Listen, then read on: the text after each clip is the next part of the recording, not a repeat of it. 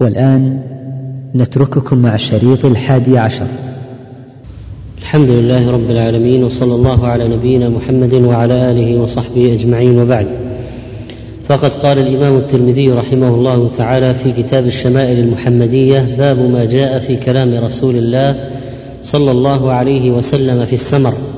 والسمر هو حديث الليل كما عرفنا قال وعن مسروق عن عائشة قال حدث رسول الله صلى الله عليه وسلم ذات ليلة نساءه حديثا فقالت امرأة منهن كأن الحديث حديث خرافة فقال أتدرون ما خرافة؟ إن خرافة كان رجلا من عذرة أسرته الجن في الجاهلية فمكث فيهم دهرا ثم ردوه إلى الإنس فكان يحدث الناس بما رأى فيهم من الأعاجيب فقال الناس حديث خرافة. وهذا الحديث تفرد به المصنف عن أصحاب الكتب الستة وقد رواه أحمد وأبو يعلى ولكنه حديث ضعيف. قال ابن كثير رحمه الله وهو من غرائب الأحاديث وفيه نكارة. كلمة خرافة تطلق على الحديث الذي لا حقيقة له ولا أصل له وتطلق على كل ما يستملح من الأحاديث ويتعجب منه. والمراد به هنا المعنى الثاني وأما عذرا فهي قبيلة من اليمن. ثم أورد رحمه الله تعالى حديث عروة عن عائشة أنها قالت جلست إحدى عشرة امرأة فتعاهدن وتعاقدن أن لا يكتم أن لا يكتمن من أخبار أزواجهن شيئا. قالت الأولى الكلام الآن لعائشة.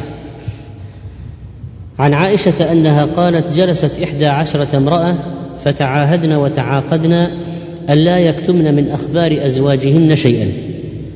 قالت الأولى زوجي لحم جمل غث على رأس جبل وعر لا سهل فيرتقى ولا سمين فينتقل. قالت الثانية زوجي لا أثير خبره إني أخاف أن لا أذره إن أذكره أذكر عجره وبجره. فقالت الثالثة زوجي العشنق إن أنطق أطلق وإن أسكت أعلق. قالت الرابعة زوجي كليل تهامه لا حر ولا قر ولا مخافة ولا سآمة. قالت الخامسه زوجي إن دخل فهد وإن خرج أسد ولا يسأل عما عهد. قالت السادسة زوجي إن أكل لف وإن شرب اشتف وإن طجع التف ولا يولج الكف ليعلم البث. قالت السابعة زوجي غياياء أو عياياء طباقاء كل داء له داء شجك أو فلك أو جمع كلا لك. قالت الثامنة زوجي المس مس أرنب والريح ريح زرنب.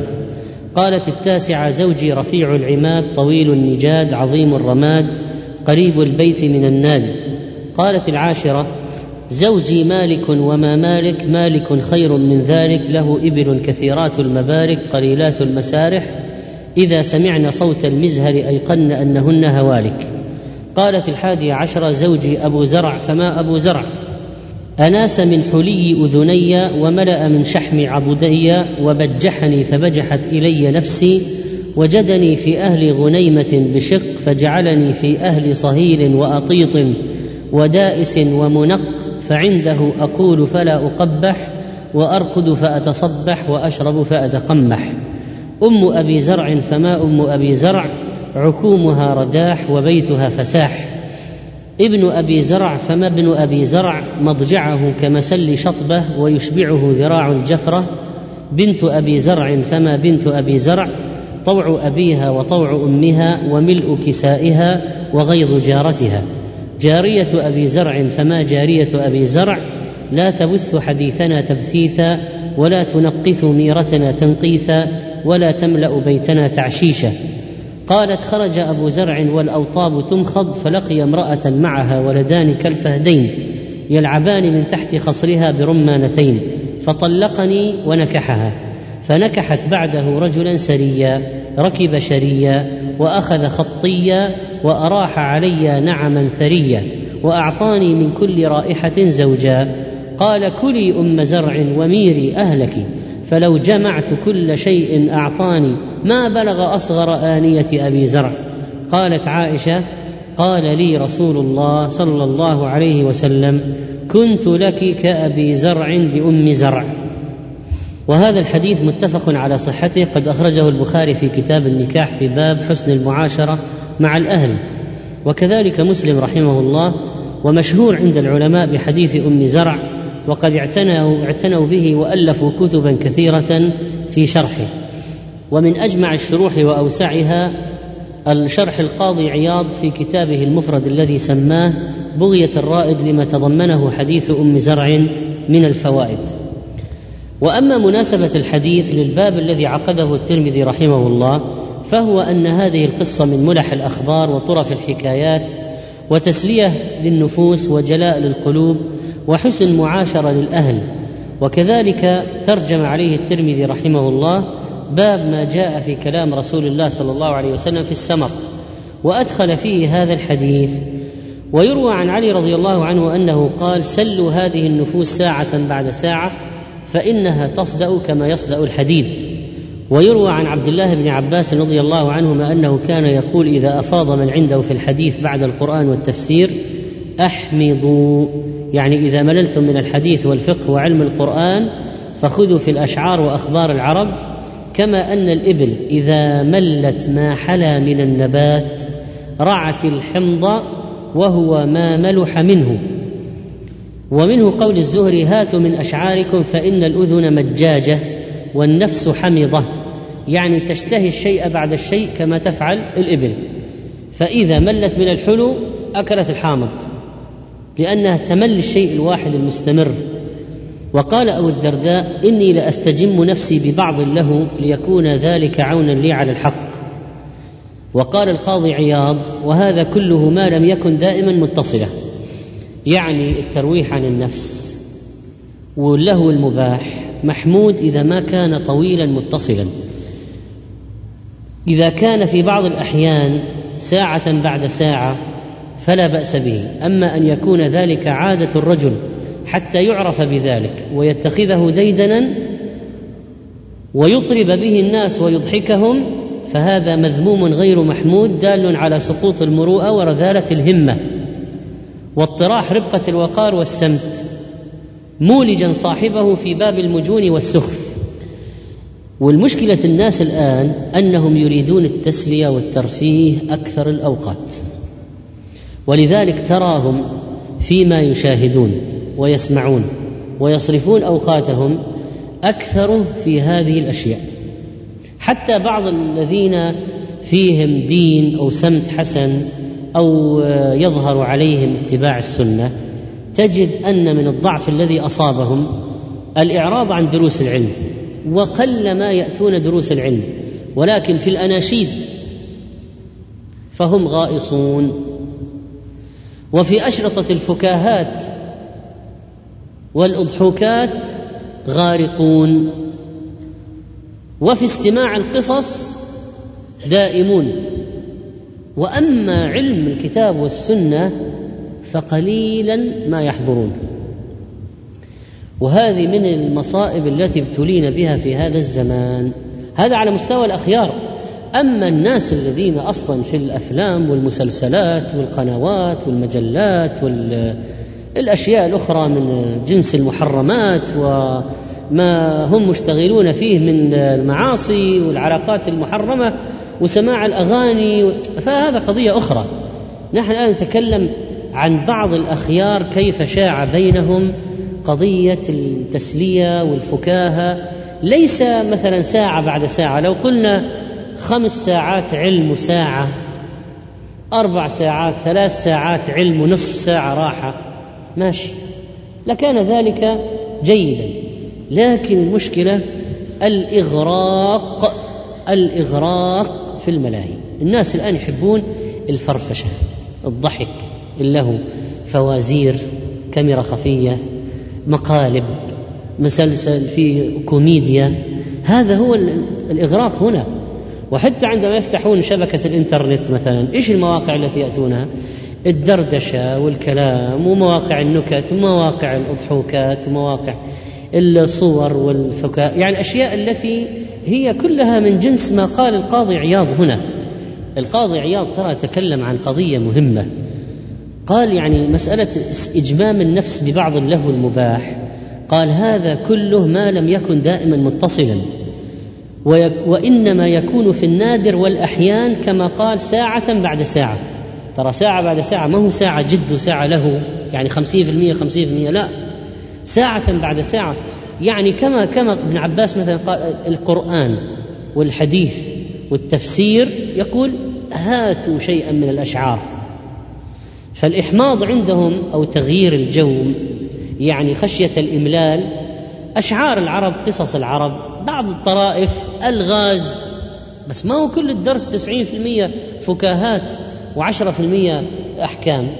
هذه المشكلة الآن عند كثير من الناس أنهم يتسرعون التفلت والانجذاب ويريدون بسرعة. لو جلست تحدث عن قصص القصص هذه رقم واحد. اذهب إلى التسجيلات. يقولون لك أشرطة الأناشيد والقصص هذه رقم واحد. أما دروس علمية آخر شيء. آخر شيء يمشي عندنا السلاسل العلمية والدروس العلمية مع أن هي الأساس. يعني المفروض يأخذون في العلم أكثر الوقت وشيئا من الأشعار الإنشاد المباح قصص. لكن الآن اللي يمشي في السوق هو العكس هو العكس الآن. وهذه قضية تربوية خطيرة. يعني معنى أن ذلك أن أكثر أوقات الناس الجد ذهب والآن الأكثر في تسالي فكاهات وهكذا. حديث أم زرع هذا أصلا معدود ضمن الممالحات والإحماض. هذا حديث أم زرع بينما هو يبدو لنا الآن يعني أنه صعب أصلا إيش واحد يقول له ذاكر هذا أختبرك فيه. فربما يقول لا أريد عجرة ولا بجرة الآن الحديث هذا حديث أبي زرع وأم زرع. سياق الرواية عند البخاري ومسلم والترمذي يدل على أن الحديث والقصة هذه من قول عائشة رضي الله عنها. طبعا لا غرابة أبو بكر رضي الله عنه أعلم قريش بالأنساب ولا غرابة أن يوجد عند ابنته مثل هذه القصص. ولا خلاف في رفع حديث كنت لك كأبي زرع لأم زرع. هذا الجملة هذه مرفوعة. وإنما الخلاف في بقية القصة الطويلة هذه. من كلام من؟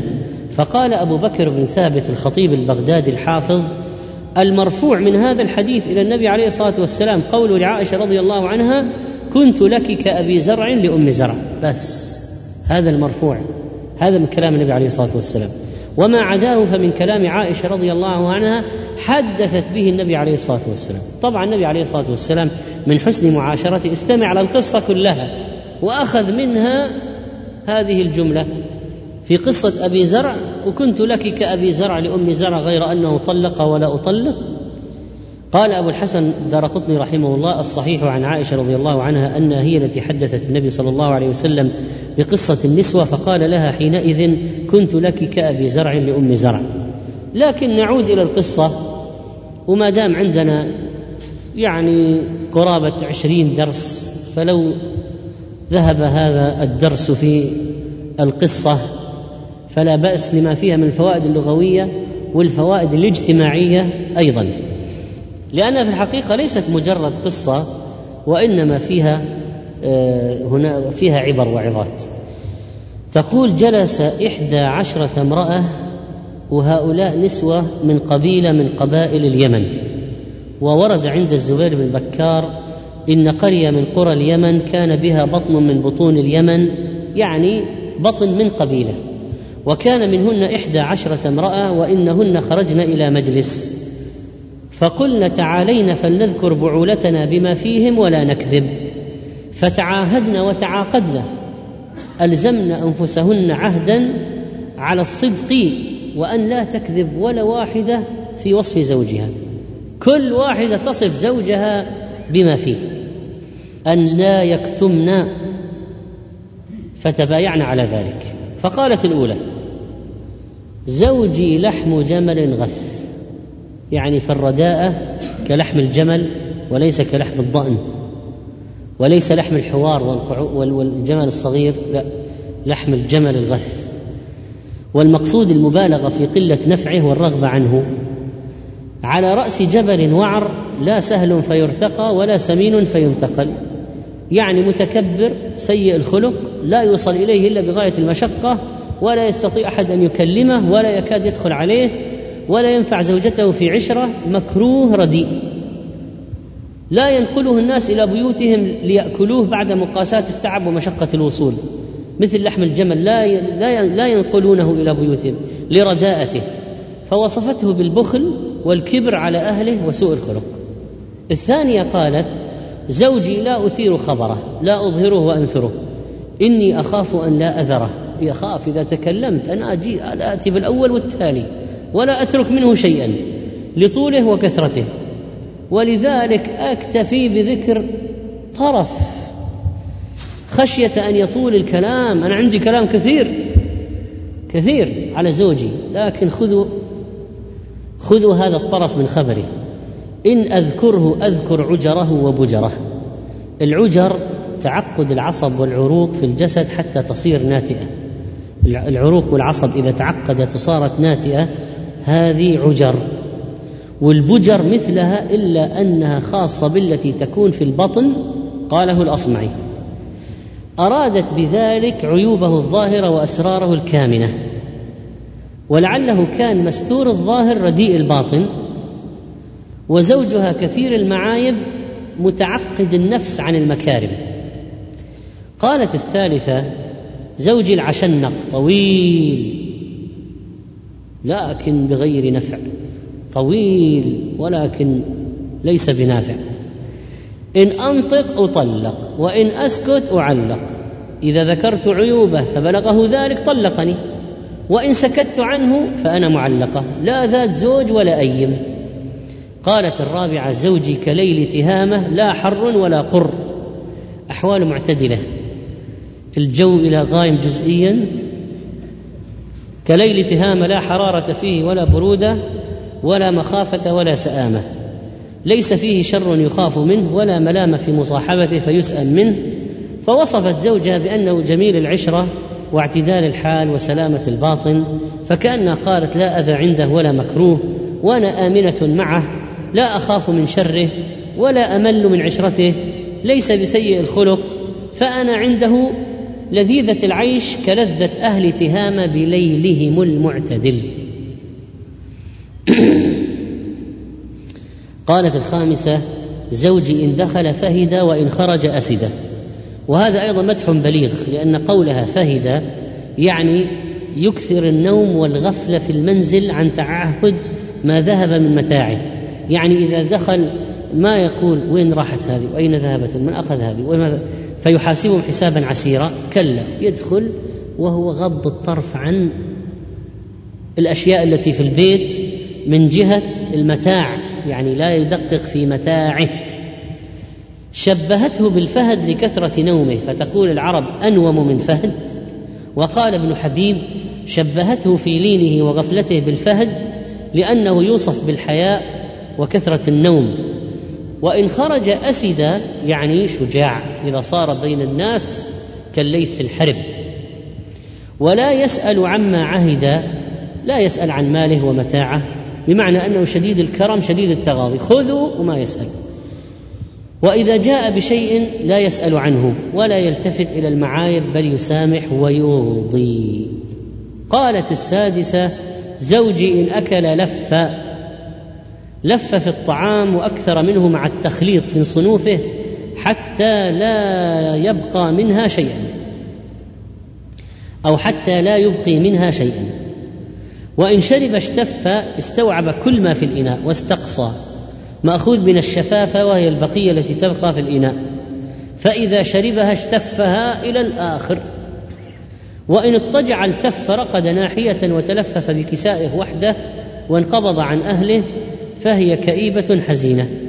يعني أكل ومرعى ونوم ولا مع أهله ولا له مع أهله صنعة. ولا يولج الكف ليعلم البث. يعني لا يمد يده ليعلم ما هي عليه من الحزن. لا يكلمها ولا آه، هو مكترث بها وينام نوم العاجز الفاشل الكسلان. وقيل المراد بالبث الحزن شديد الحزن أو كثير الشكوى ولا يصبر فوصفته بقلة الشفقه عليها وأنه لو رآها عليلة لم يدخل يده في ثوبه ليتفقد خبرها أو أنه كني عن ترك الملاعبة والاستمتاع بالأهل فجمعت في وصفها له بين اللؤم والبخل والنهمة والمهانة وسوء العشرة فليس على صحة الذكورية بالإضافة إلى كثرة أكله وشربه. ويحتمل أن يكون معنى قولها ولا يولج الكف كناية عن ترك تفقد الأمور. ما يتدخل في شيء أبدا. ولا يهتم بالمصالح ولا هو مكترث بما يدور عند أهله ولا يتفقد.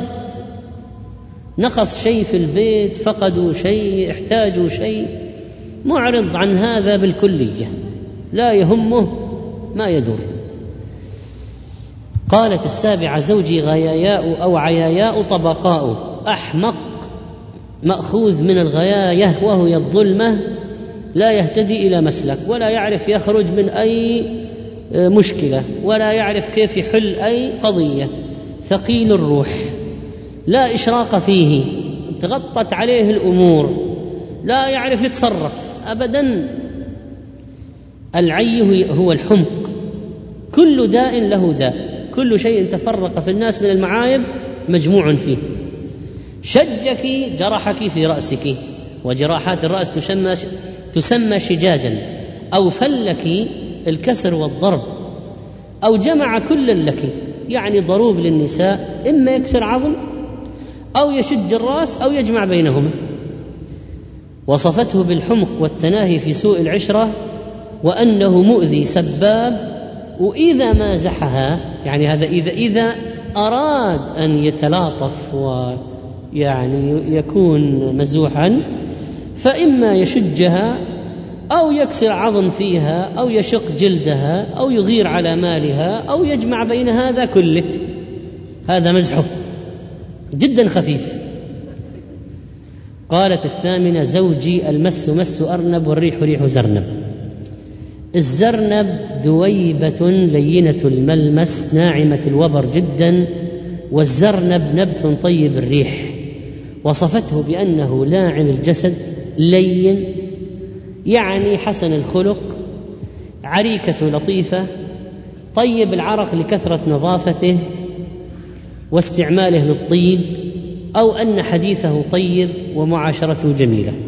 المس مس أرنب والريح ريح زرنب. التاسعة قالت زوجي رفيع العماد وصفته بطول البيت وعلوه لأنه من بيوت الأشراف وكذلك يعلونها ويضربونها في المواضع المرتفعة الأشراف. يروح فوق ينصب خيمة يعني يراها الناس. طويل النجاد فهذا كثير الحاشية والغاشية. ناس كثيرين كثيرون يأتونه وعنده حاشية كثيرون. طويل النجاد حمالة السيف لأنه طويل القامة وصاحب شجاعة. عظيم الرماد لأن ناره موقدة للأضياف. لا تنطفئ ولا تهدأ. فرماده كثير لكثرة طبخه وعمل الطعام للضيفان. قريب البيت من النادي من مجلس القوم وصفته بالشرف في قومه إذا تفاوضوا وتشاوروا في أمر أتوا جلسوا قريبا من بيته ليأخذوا رأيه ويعتمدوا عليه ويمتثلوا أمره. قد وضع بيته في وسط الناس ليسهل لقاؤه وإعانته لهم. ولا يحتجب عنهم ولا يتباعد منهم بل إنه قريب منهم يتلقاهم ويبادر لإكرامهم ضد من يتوارى بأطراف المنازل لئلا يأتيه الضيوف. قالت العاشرة زوجي مالك وما مالك؟ أي شيء هو مالك؟ ما أعظمه وما أكرمه. هذا يعني مالك يعني أنه كريم. مالك خير من ذلك زيادة في الإعظام والثناء وطيب الذكر والسؤدد والفخر. له إبل كثيرات المبارك قليلات المسارح. كثيرات المبارك المبارك جمع مبرك وهو مكان نزول الإبل. والمسارح جمع مسرح وهو الموضع الذي تنطلق فيه الإبل للرعي. مسرح. ومعناه أن له إبلا كثيرات بارك بفنائه لا يوجهها تسرح إلا قليلا. معظم أوقاتها للضيفان مستعدة من الألبان واللحمان. إذا سمعنا يعني الإبل صوت المزهر عودهن. إذا ضرب المزهر للضيفان أن واحدة على الأقل منهن منحورة للضيفان. إذا سمعن صوت المزهر أيقن أنهن هوالك. فهو يرحب بالضيفان بالمزهر وإذا سمعت الإبل صوت المزهر أيقن أنهن هوالك. قالت الحادية عشرة والأخيرة زوجي أبو زرع فما أبو زرع؟ أناس من حلي أذني النوس الحركة من كل شيء متدل ناس ينوس نوسا. يعني حلاني أقراط في الأذن فهي تنوس وتتحرك وتصدر أصواتا لكثرتها. فملأ أذنيها بالحلي وهذا إذا كان الأذن فما بالكم بالعنق والأيدي والساق وما يحليها به في العضد. قال قالت أناس من حلي أذني. ملأني ذهب لؤلؤ وجواهر وملأ من شحم عضدي. أسمنني بإطعامي. فهو يكرمها ويغذيها ويعتني بصحتها. وبجحني فبجحت إلي نفسي. يعني فرحها ففرحت. وعظمها فعظمت. قالت وبجحني فبجحت إلي نفسي يعني عظمني فعظمت هي في نفسها. وجدني في أهل غنيمة بشق. غنيمة يعني كأنهم ناس فقراء. ما عندهم لا خيل ولا إبل. والعرب ما كانوا يعتدون بكثير بالغنم وهؤلاء عندهم غنيمة بشق يعني كأنه أخذها من بيت متواضع.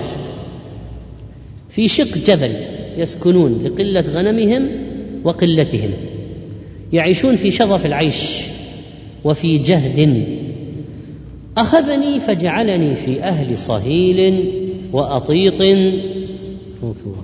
ودائس ومنق. أخذها من بيت فقير متواضع ما عندهم مال كثير فأغدق عليها. جعلها في أهل صهيل خيل أطيط إبل.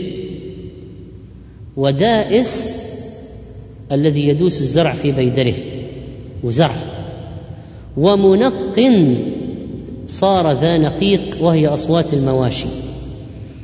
يعني انتقلت نقلة طفرة اقتصادية عظيمة بهذا الزواج.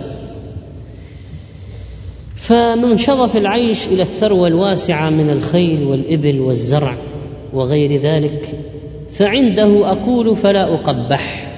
لا يقول قبحك الله ولا قبح الله قولك لأنه يكرمها ويدللها كثيرا ولا يرد لها قولا ولا يعيبها في شيء. وارقد فأتصبح يعني أنام أول النهار فلا أوقظ لأن هناك من يخدم في البيت. فما تحتاج تستيقظ من الصباح تشتغل طيلة الصباح. وإنما تنام أول النهار. فلا توقظ لأن هناك من يقوم بالمهنة. وأشرب فأتقمح. يعني أروى حتى أدع الشراب من شدة الري. أم أبي زرع فما أم أبي زرع؟ هذه حماتها. عكومها رداح وبيتها فساح. عكومها أوعية الطعام والمتاع رداح كبيرة عظيمة. بيتها فساح فسيح. فوصفت والدة زوجها بأنها كثيرة الآلات والأثاث والقماش واسعة المال كبيرة البيت عظيمة الثروة أنهم بخير ورغد من العيش. ابن أبي زرع فما ابن أبي زرع مضجعه كمسل شطبة ويشبعه ذراع الجفرة. الشطبة الجريد والسعف يشق منه قضبان تنسج منها الحصر. شبهته بسيف مسلول ذي شطب وسيوف اليمن كلها ذات شطب وشبهت العرب الرجال بالسيوف إما لخشونة الجانب وشدة المهابة أو لجمال الرونق والبهاء والكمال في الاعتدال والاستواء. فابن أبي زرع هكذا من الرجال مهاب جميل ذا كمال هو ذو كمال. وأما الجفرة فهي الأنثى من ولد المعز. إن كان إذا كان ابن أربعة أشهر يفصل عن أمه ويرعى. فيشبعه ذراع الجفرة. الجفرة قلنا هذه الأنثى من المعز الصغيرة. فالمراد يعني أنه لا يأكل كثيرا. يعني ذراع الجفرة يكفيه بنت أبي زرع فما بنت أبي زرع؟ طوع أبيها طوع أمها وملء كسائها وغيظ جارتها. فهي بارة بأبويها منقاده لأمرهما ملء كسائها سمينة خفيفة أعلى البدن وهو موضع الرداء ممتلئة من الأسفل وهو موضع الكساء والمقصود أنها في صحة وعافية وأنها مؤهلة للحمل والنكاح وغيظ جارتها يعني ضرتها من حسنها وجمالها وعفتها وأدبها تغار منها ضرتها. جارية أبي زرع فما جارية أبي زرع؟ لا تبث حديثنا تبثيثا. تكتم الأسرار. لأن الآن الخدم اللي يبغى يعرف اللي في البيوت يروح الخدم. الخدم عندهم كل شيء. ويمكن تذهب الآن إلى أندونيسيا وسريلانكا فتجد أخبارنا هناك مبثثة تبثيثا. جارية أبي زرع فما جارية أبي زرع؟ لا تبث حديثنا تبثيثا ولا تنقي ثميرتنا تنقيثا.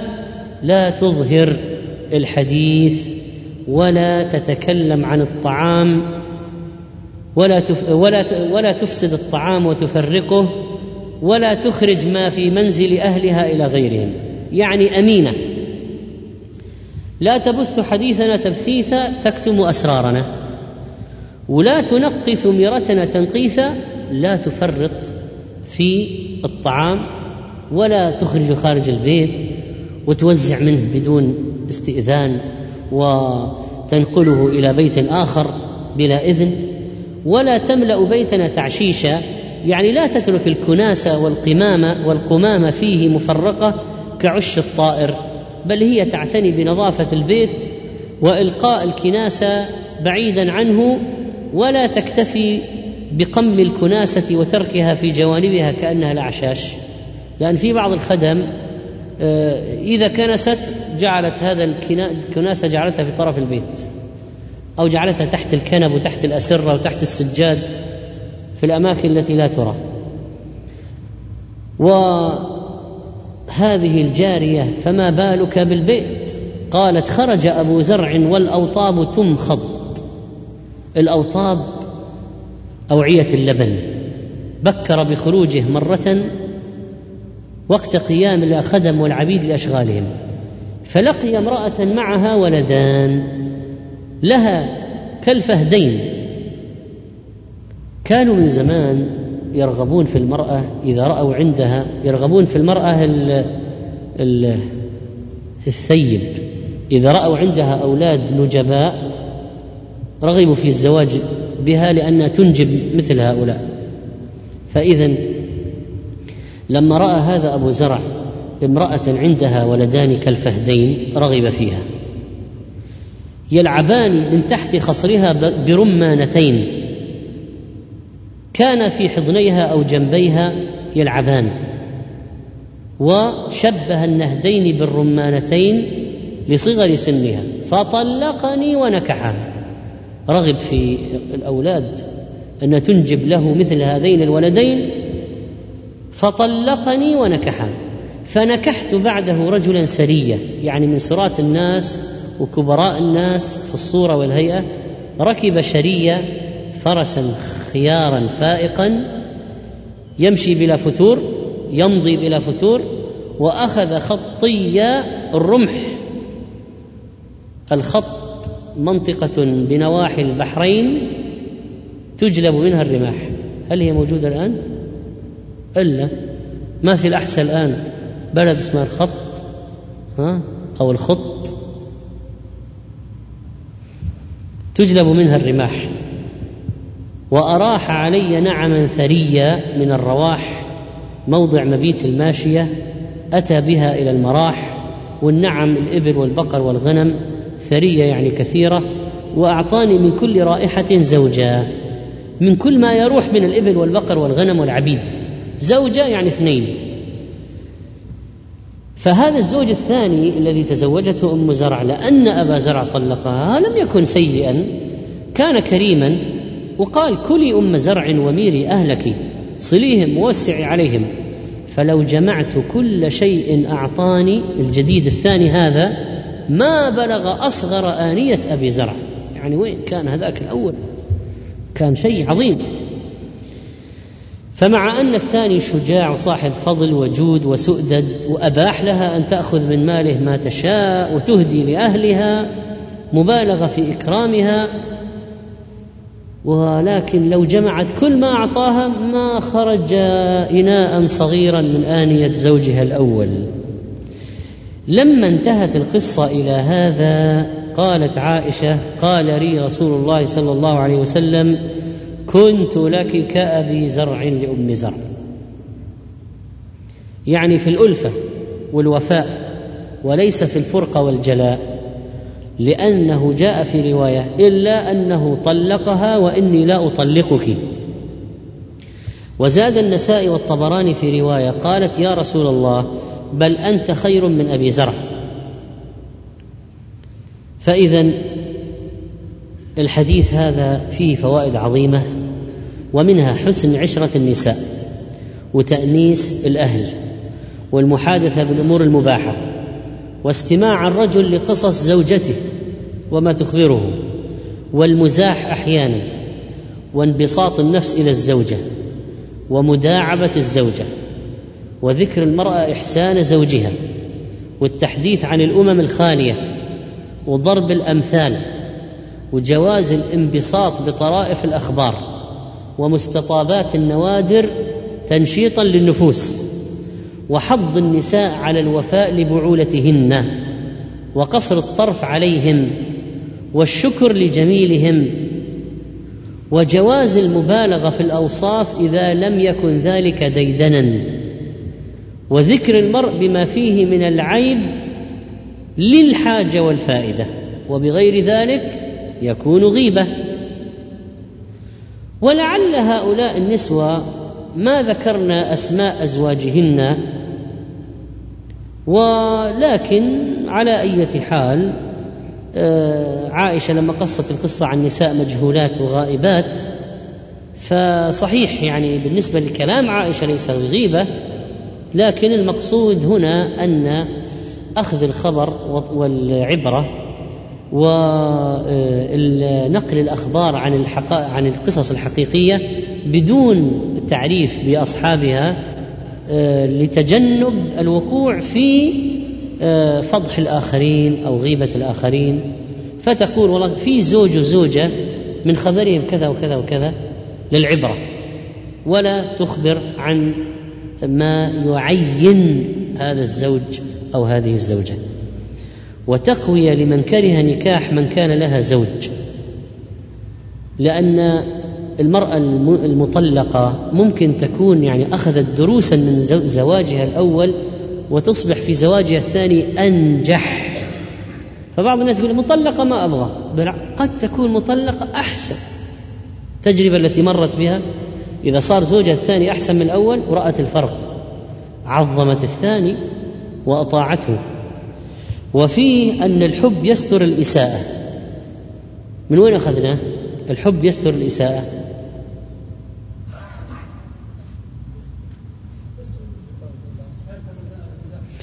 أن أن أم زرع مع أن زوجها طلقها إلا أنها لا زالت تذكر من جميل الأوصاف والأخبار والحال وتثني عليه.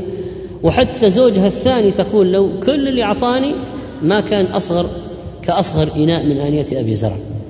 فمع أنه طلقها والطلاق لا شك أنه جرح في نفس المرأة وشيء يعني آه، مكروه للمرأة كأنه طعنة. لكن مع ذلك مما أراها من الكرم ما نست فضله مع أنه طلقها ما نست فضله من شدة إكرامه. ولعلها أحبته حبا والحب يستر الإساءة. وفي ذلك وفي القصة هذه جواز آه، وصف المحاسن إذا كان الشخص مجهولا بحيث لا تحدث فتنة. أما أن توصف امرأة معينة لرجل يعرفها فلا يجوز. ما يجوز. النبي صلى الله عليه وسلم حرم وصف المرأة للرجل كأنه يراها. لا تنعت المرأة المرأة المرأة لزوجها كأنه ينظر إليها. هذا حرام. طبعا من باب أولى أن توريه صورتها بالجوال. صورها. يعني إذا قال لا تنعت المرأة لا تصف كأنه يراها. كيف لو أنه وأعطته الصورة؟ هذه أشنع وأشنع. وفي الحديث أن من شأن النساء أنهن يتحدثن غالبا عن ازواجهن بخلاف الرجال فإنه في النادر من يتحدث عن زوجته لانشغال بأمور المعاش. أما المرأة خلاص هذه زوجها حياتها. فإذا أذاعت نشرة أخبار ما هي الأنباء التي تملأ نشرة الأخبار؟ أخبار الزوج وفعل وفعل وقال وصنع وعمل فالمهم أن الإنسان يحسن إلى زوجته بحيث يبقى عندها لو مات أو صار فراق ذكرى حسنة. طبعا الذكرى الحسنة الأهم هي ما يذكر به في الملأ الأعلى أو يوم القيامة. وخيركم خيركم لأهله. وصلى الله على نبينا محمد. الحمد لله رب العالمين وصلى الله على نبينا محمد وعلى آله وصحبه أجمعين.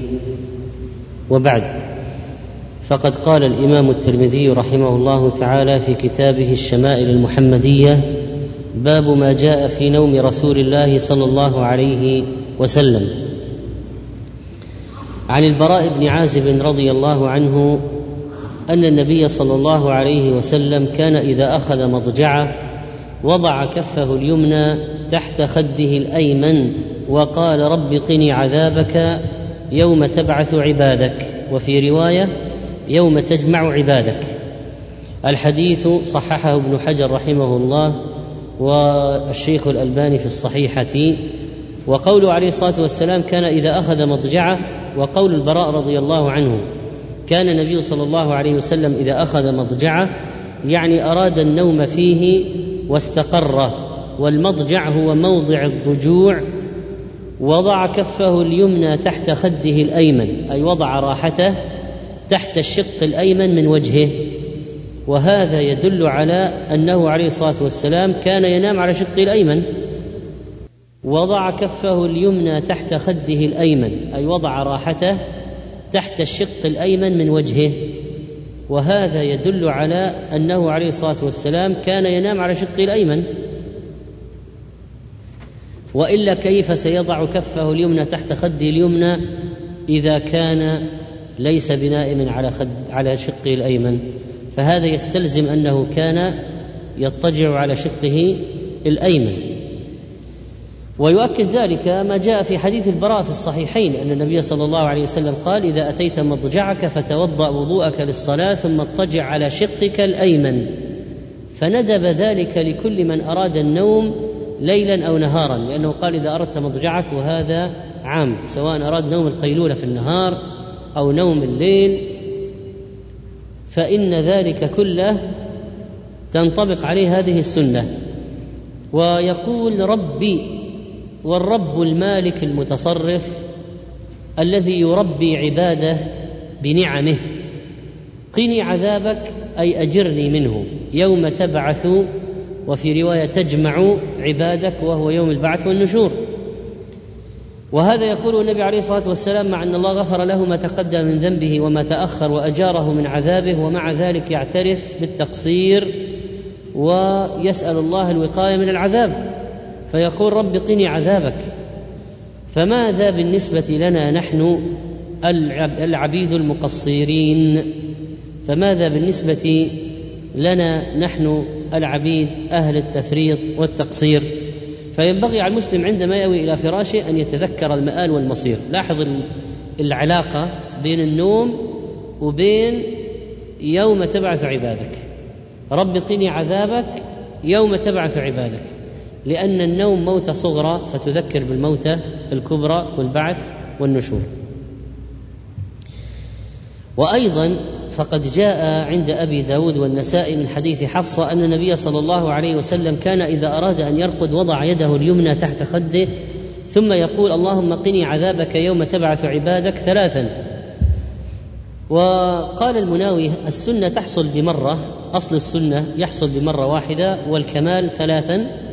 وفي هذا الحديث بيان أن هدي النبي صلى الله عليه وسلم في النوم أن ينام على شقه الأيمن وهو أسرع إلى الانتباه لعدم استقرار القلب فإن القلب في الجانب الأيسر فلا يستغرق في النوم بخلاف ما إذا نام على جنبه الأيسر فيكون القلب في استراحته يستغرق فيبطئ الانتباه. قال ابن القيم رحمه الله وقد قيل إن الحكمة في النوم على الجانب الأيمن أن لا يستغرق النائم في نومه.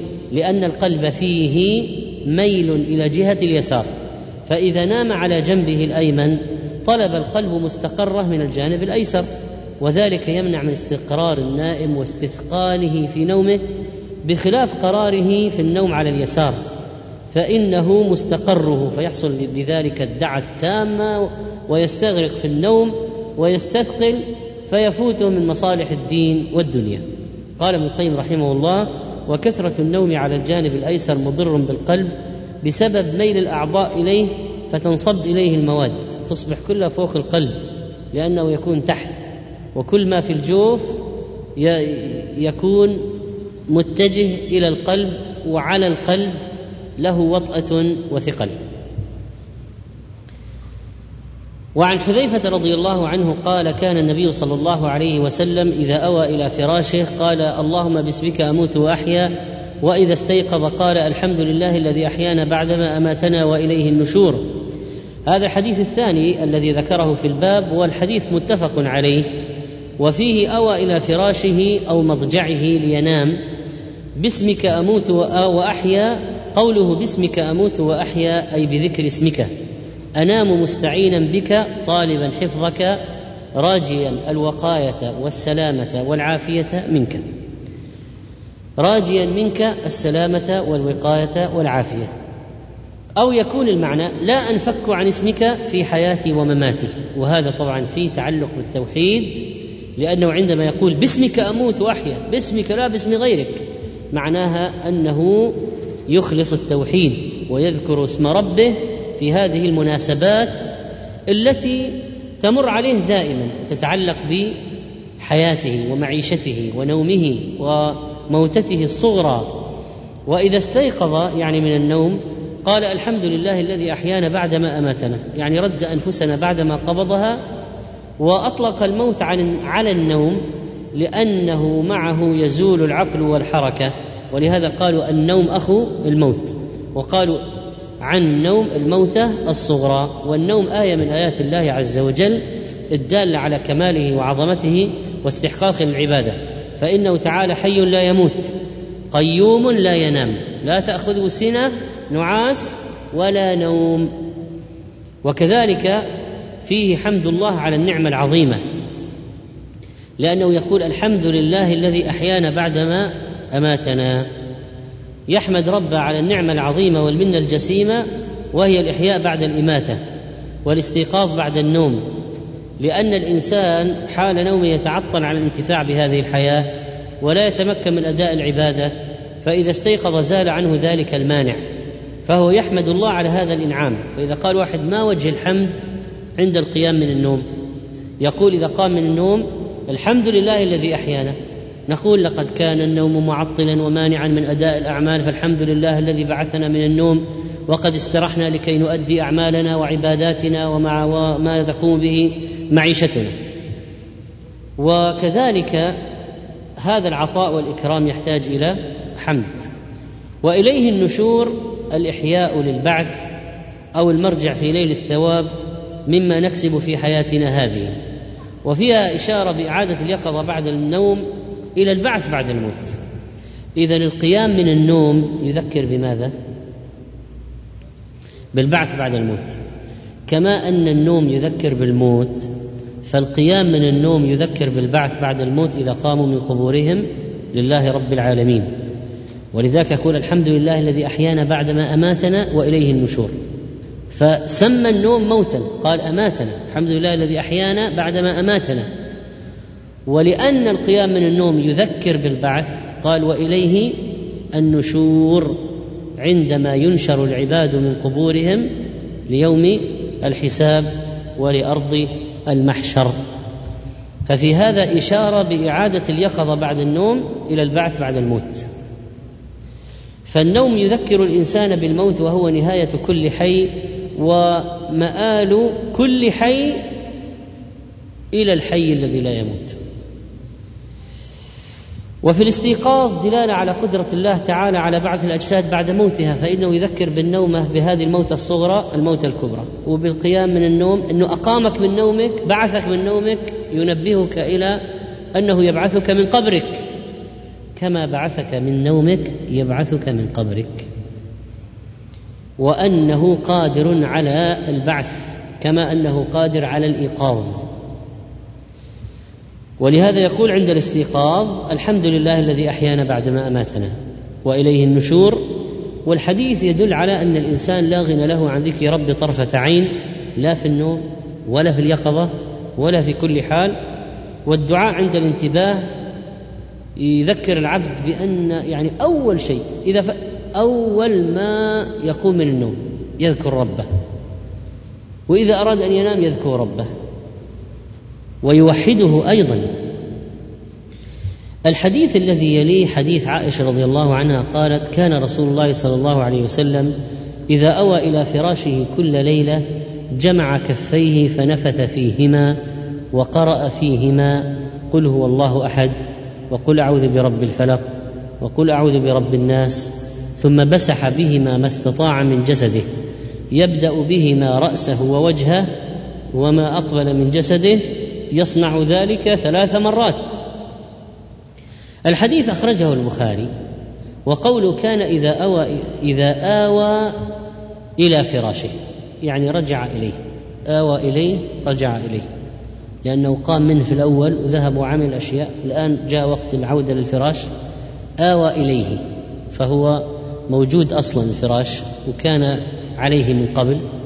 فلما انبعث وذهب في طاعة الله وفي في معيشته. الآن رجع إلى فراشه. كان إذا آوى إلى فراشه. والإيواء هنا معناه أنه ضمه دخل فيه. فإذا هذا الفعل يفعله الإنسان يعني ليس وهو جالس عليه وإنما إذا دخل في الفراش وضمه الفراش والمأوى كل ما آوى إليه الإنسان. كل ما يأوي إليه الإنسان. يفعل ذلك كل ليلة عليه الصلاة والسلام. قالت عائشة إذا آوى إلى فراشه كل ليلة ليحافظ على هذا في جميع الليالي. ماذا يفعل؟ جمع كفيه. الجمع الضم والإلصاق. فإذا ضم الكف إلى الكف الأخرى وألصقها بها جمع كفيه. جمع كفيه وهما مفتوحتان إلى جهة الوجه. وهما مفتوحتان إلى جهة الوجه. ليباشر النفس فيهما في الدعاء يمد الكفين كالذي يطلب من الآخر شيئا ليملأ الكفين له يدعو يمد الكفين. أما عند النفس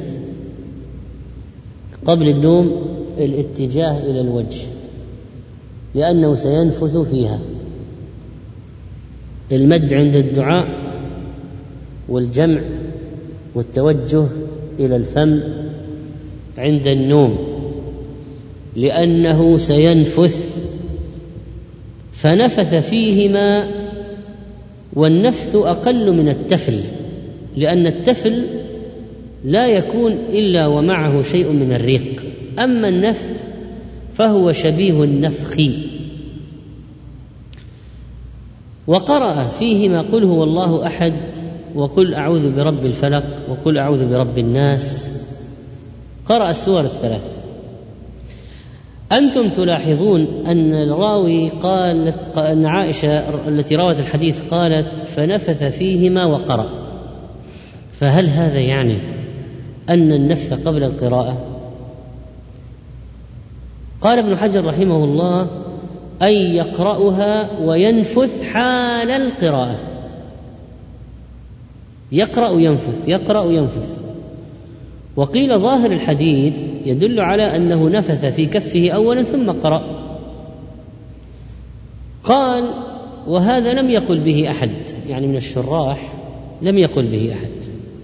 ولا فائدة فيه. لأن المؤثر ما هو؟ النفس الخارج بالقرآن. المؤثر الذي يمسح به هو النفس الخارج بالقرآن. والنفث ينبغي أن يكون بعد التلاوة لتصل بركة القرآن إلى بشرة القارئ. لتصل بركة القرآن إلى بشرة القارئ. فالفاء هنا في قوله فنفث وقرأ كقوله فإذا قرأت القرآن فاستعذ بالله من الشيطان الرجيم. هل معناها إذا انتهيت القراءة هذه الاستعاذة؟ لا. فإذا قرأت القرآن يعني إذا أردت قراءة القرآن فاستعذ بالله من الشيطان الرجيم. فالاستعاذة قبل القراءة. إذا المعنى جمع كفيه ثم عزم على النفث فيه فيهما. وفائدة التفل هنا أو النفث أن الرطوبة بالهواء والنفس المباشر للقرآن والمرافق له فيه التأثير والبركة لأجل القرآن. والمعوذات جامعات للاستعاذة من كل مكروه جملة وتفصيلا. ففيها الاستعاذة من شر ما خلق. يدخل في ذلك كل شيء. ومن شر النفاثات في العقد وهن السواحر. ومن شر الحاسدين.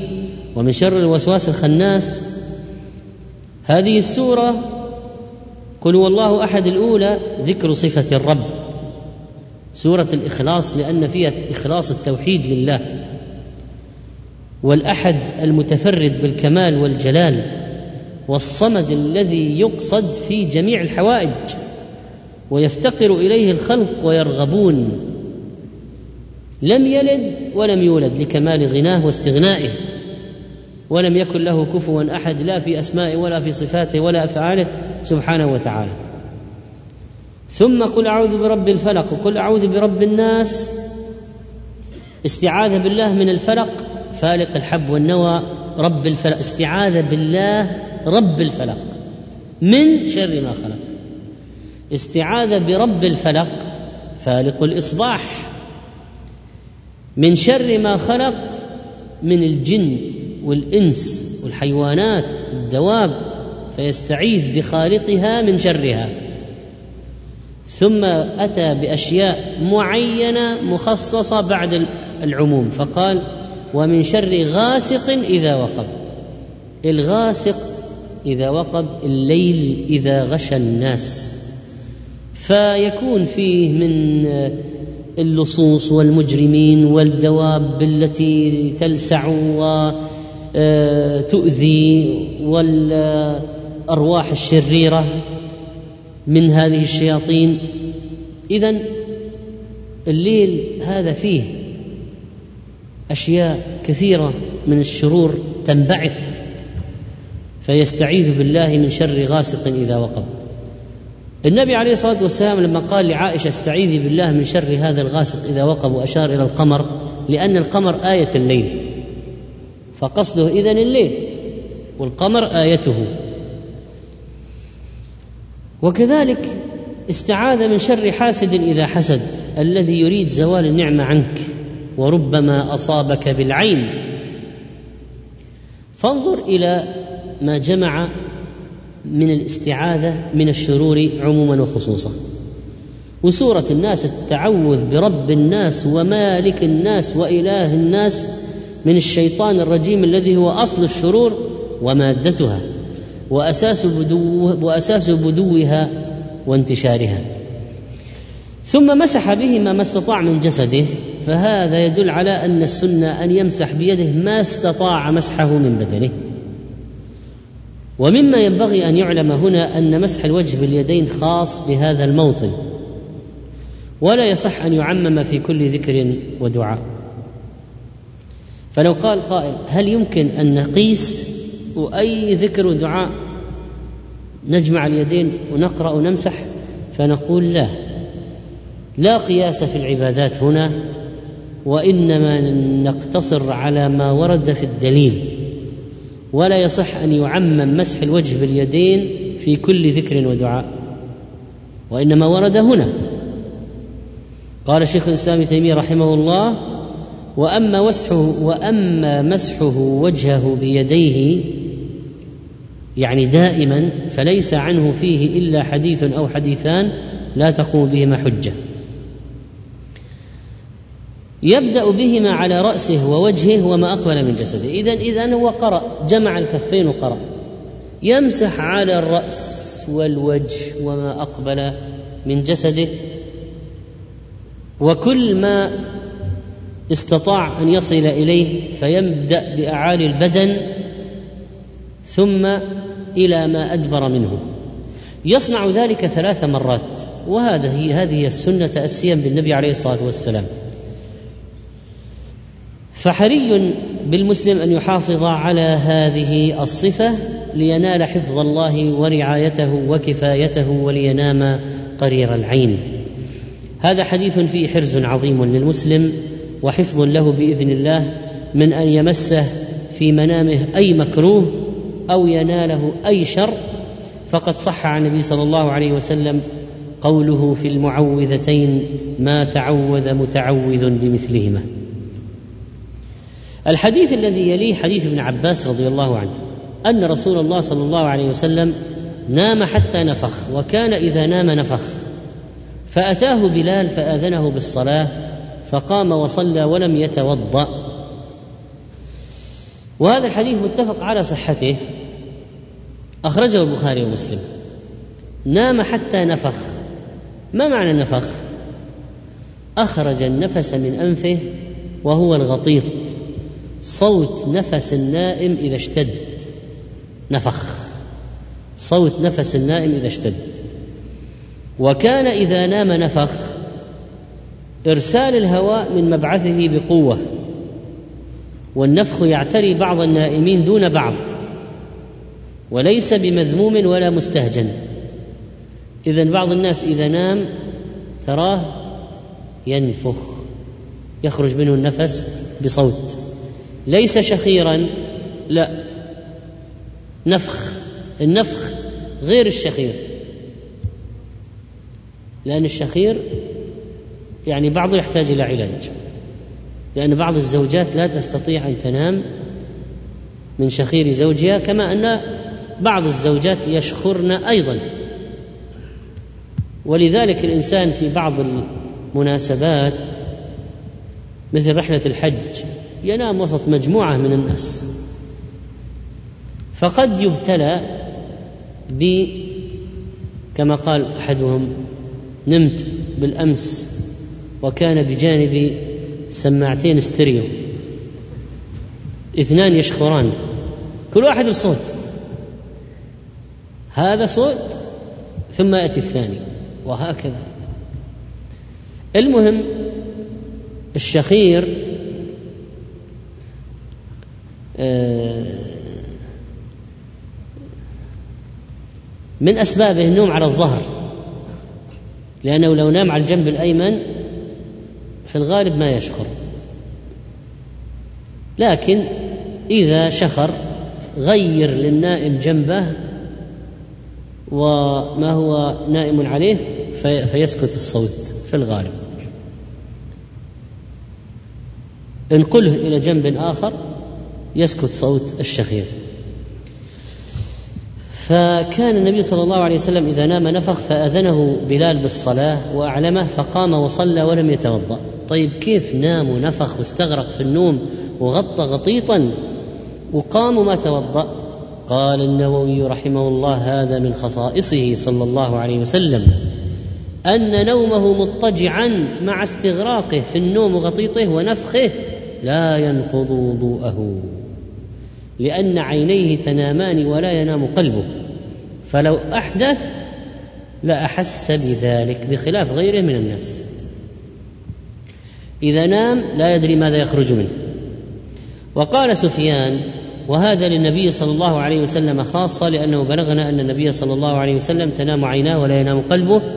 وقد قدمنا في بعض الدروس الماضية جملة من خصائص النبي عليه الصلاة والسلام فهي كثيرة جدا بالعشرات.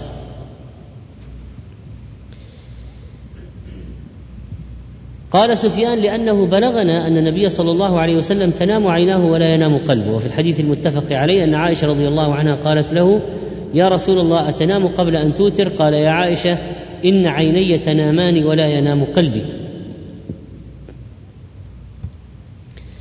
ولكن ثبت عند البخاري ومسلم عن أبي هريرة أن رسول الله صلى الله عليه وسلم حين قفل من غزوة خيبر سار ليلة حتى إذا أدركه الكرى النعاس عرس وقال لبلال اكلأ لنا الليل يعني حرسنا. فصلى بلال ما قدر له ونام رسول الله صلى الله عليه وسلم وأصحابه فلما تقارب الفجر استند بلال إلى راحلته. مواجه الفجر فغلبت بلالا عيناه وهو مستند إلى راحلته. فلم يستيقظ رسول الله صلى الله عليه وسلم ولا بلال ولا أحد حتى ضربتهم الشمس. رحمك الله. فكان رسول الله صلى الله عليه وسلم أولهم استيقاظا. ففزع رسول الله صلى الله عليه وسلم فقال أي بلال؟ فقال بلال أخذ بنفس الذي أخذ بأبي أنت وأمي يا رسول الله بنفسك. صرنا كلنا سوا. الذي أخذ بنفسك أخذ بنفسه. وهذا اعتذار جميل وتخلص. وقد تكلم العلماء في الجمع بين حديث النوم هذا وبين قوله صلى الله عليه وسلم إن عيني تنامان ولا ينام قلبي. قال النووي رحمه الله لا منافاة بينهما لأن القلب إنما يدرك الحسيات المتعلقة به كالحدث والألم ونحوهما ولا يدرك الأشياء الخارجية كطلوع الفجر. يعني هو النبي عليه الصلاة والسلام إذا نام تنام عيناه ولا ينام قلبه. لكن هل معنى لا ينام قلبه يعني يعرف كل شيء يدور في العالم الخارجي الآن؟ ها؟ لا ما هو شرط. لكن يحس بما يحدث له هو من حدث ألم شيء.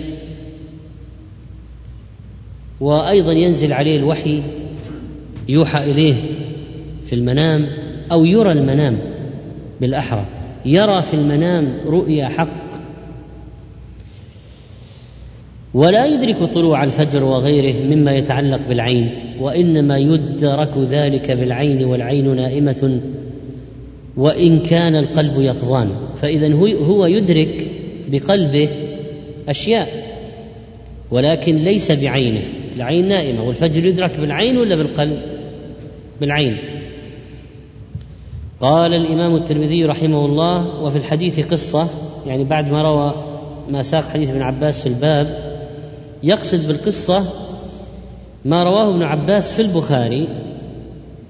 قال بت عند ميمونة فقام النبي صلى الله عليه وسلم فأتى حاجته فغسل وجهه ويديه ثم نام ثم قام فأتى القربة فأطلق شناقها ثم توضأ وضوءا بين وضوءين لم يكثر وقد أبلغ فصلى فقمت فتمطيت كراهية أن يرى أني كنت أتقيه فتوضأت فقام يصلي فقمت عن يساره فأخذ بأذني فأدارني عن يمينه فتتامت صلاته ثلاث عشرة ركعة ثم اضطجع فنام حتى نفخ وكان إذا نام نفخ فأذنه بلال بالصلاة فصلى ولم يتوضأ.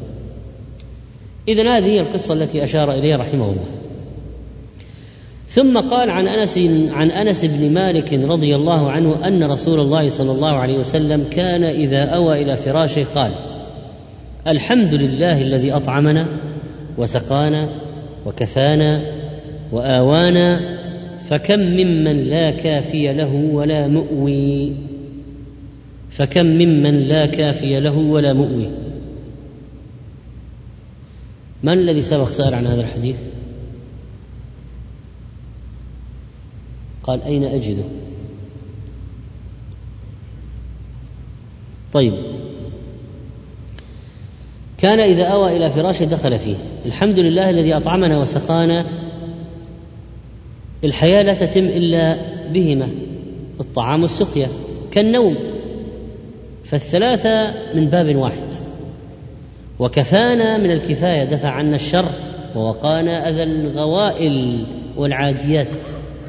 وآوانا جعل لنا بيتا جعل لنا كنا نستقر فيه. يقين الحر والبرد نحرز فيه متاعنا ونحجب فيه عيالنا. نعمة وآوانا في ناس مشردين ما لهم مأوى. فأثنى على الله بنعمه وتوالي فضله وعطائه وجزيل مواهبه وإحسانه وهو أهل للحمد عز وجل. الحمد لله الذي أطعمنا وسقانا وكفانا وآوانا فكم ممن لا كافي له ولا مؤوي كثير من خلق الله لا يكفيهم الله شر الأشرار ولا يجعل لهم مسكنا بل يتركهم يتأذون في الصحاري والبراري بالبرد والحر وقيل معنى هذا كم ممن لا كافي له ولا مؤوي كم من منعم عليه لم يعرف قدر نعم الله فكفر بها. على اية حال الحديث هذا والدعاء فيه أن المؤمن يتذكر دائما نعم الله وعندما يريد أن ينام يتذكر الذين حرموا من النعمة التي هو فيها. لقد أطعمه وسقاه وكفاه الشرور ونام. وجعل له لباسا وسكنا. طيب إذا قال قائل يعني كل ليلة إذا آوى إلى فراشه يقول هذا لماذا؟ نقول لأن نعم هذه متجددة. يعني الحمد لله الذي أطعمنا اليوم. وغدا يقول أطعمه أيضا بعده أطعمه أيضا. وسقاه وكفاه وآواه. وقد تمر بالإنسان أحيانا أيام ما يطعم فيها أو لا يجد فيها سكنا قد يوجد. وعن أبي قتادة رضي الله عنه أن النبي صلى الله عليه وسلم كان إذا عرس بليل اضطجع على شقه الأيمن. طبعا يا أخوان نحن نتذكر الحديث السابق. يعني حال إخواننا هؤلاء الذين أصابهم الزلزال في كشمير و الباكستان يعني عندما يقال كان هنا مدينة بلاكوت كان هنا مدينة والآن سويت بالأرض. الناس لو خربت بعض البيوت أو قصفت يأوون إلى بيوت جيرانهم أقاربهم لكن البلد كلها إذا راحت البيوت تصور الناس الآن حتى يبنوا بيوتا جديدة. كم يحتاجون من الوقت؟ يعني خلاص واحد في العراء. الزلزال هذا يعني آه، يقضى على ما عند الإنسان في لحظات. ما له الآن شيء يأوي إليه. خلاص صارت قاعا صفصفا. ولذلك المأوى نعمة. ونتذكر مثلا أهل فلسطين وغيرها الذين شردوا من قراهم. ما لهم إلا خيام. هذا إذا وجد إذا وجدوا خياما. ففي ناس كثير يعيشون في العراء ما في يعني ما في شيء يظله من الشمس ولا شيء يكنه من البرد ولا شيء يستر عياله. إنت عندك الان نساء الآن في البيت عندك بنات وأخوات والأم والزوجة وال... أين يأوي هؤلاء؟ ولذلك التذكر النعم الحمد لله كفانا وآوانا فكم ممن لا كافي له ولا مؤوي. ناس ما لهم ما لهم مأوى يؤويهم. قال وعن أبي قتادة رضي الله عنه أن النبي صلى الله عليه وسلم كان إذا عرس بليل اضطجع على شقه الأيمن وإذا عرس قبيل الصبح نصب ذراعه ووضع رأسه على كفه.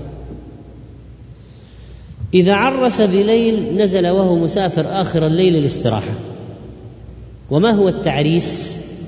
نزول المسافر آخر الليل للنوم والاستراحة. وهذا طبعا في اللغة مرجع للغة. لأننا أعطينا مرة مترجما يترجم لنا حديثا نهى عن التعريس على جواد الطريق. وقال إنها مأوى الهوام بالليل. نهى عن التعريس على جواد الطريق يعني على جنب الطريق لأن الهوام تأتي إليها إلى جنب الطريق. فما تنام أنت على جنب الطريق ادخل مثلا. أو اذهب إلى شيء مكان مرتفع مثلا. فلما ترجم هذا المترجم نهى عن التعريس على جواد الطريق. قال no wedding on side way. يعني ما تتزوج أو تسوي عرس أو تدخل بأهلك لا تعرس على جانب الطريق. فليش؟ لأن المسألة هذه يعني الصحابة عرب. ويأخذون من اللغة العربية كان إذا عرس بليل فممكن واحد يفهم عرس يعني إذا كان آه، دخل بأهله في العرس اضطجع على شقه الأيمن وإذا عرس قبيل الصبح إذا دخل بها قبل الصبح نصب ذراعه وضعه على رأسه إيش يقول؟ إيش المصيبة اللي إحنا فيها؟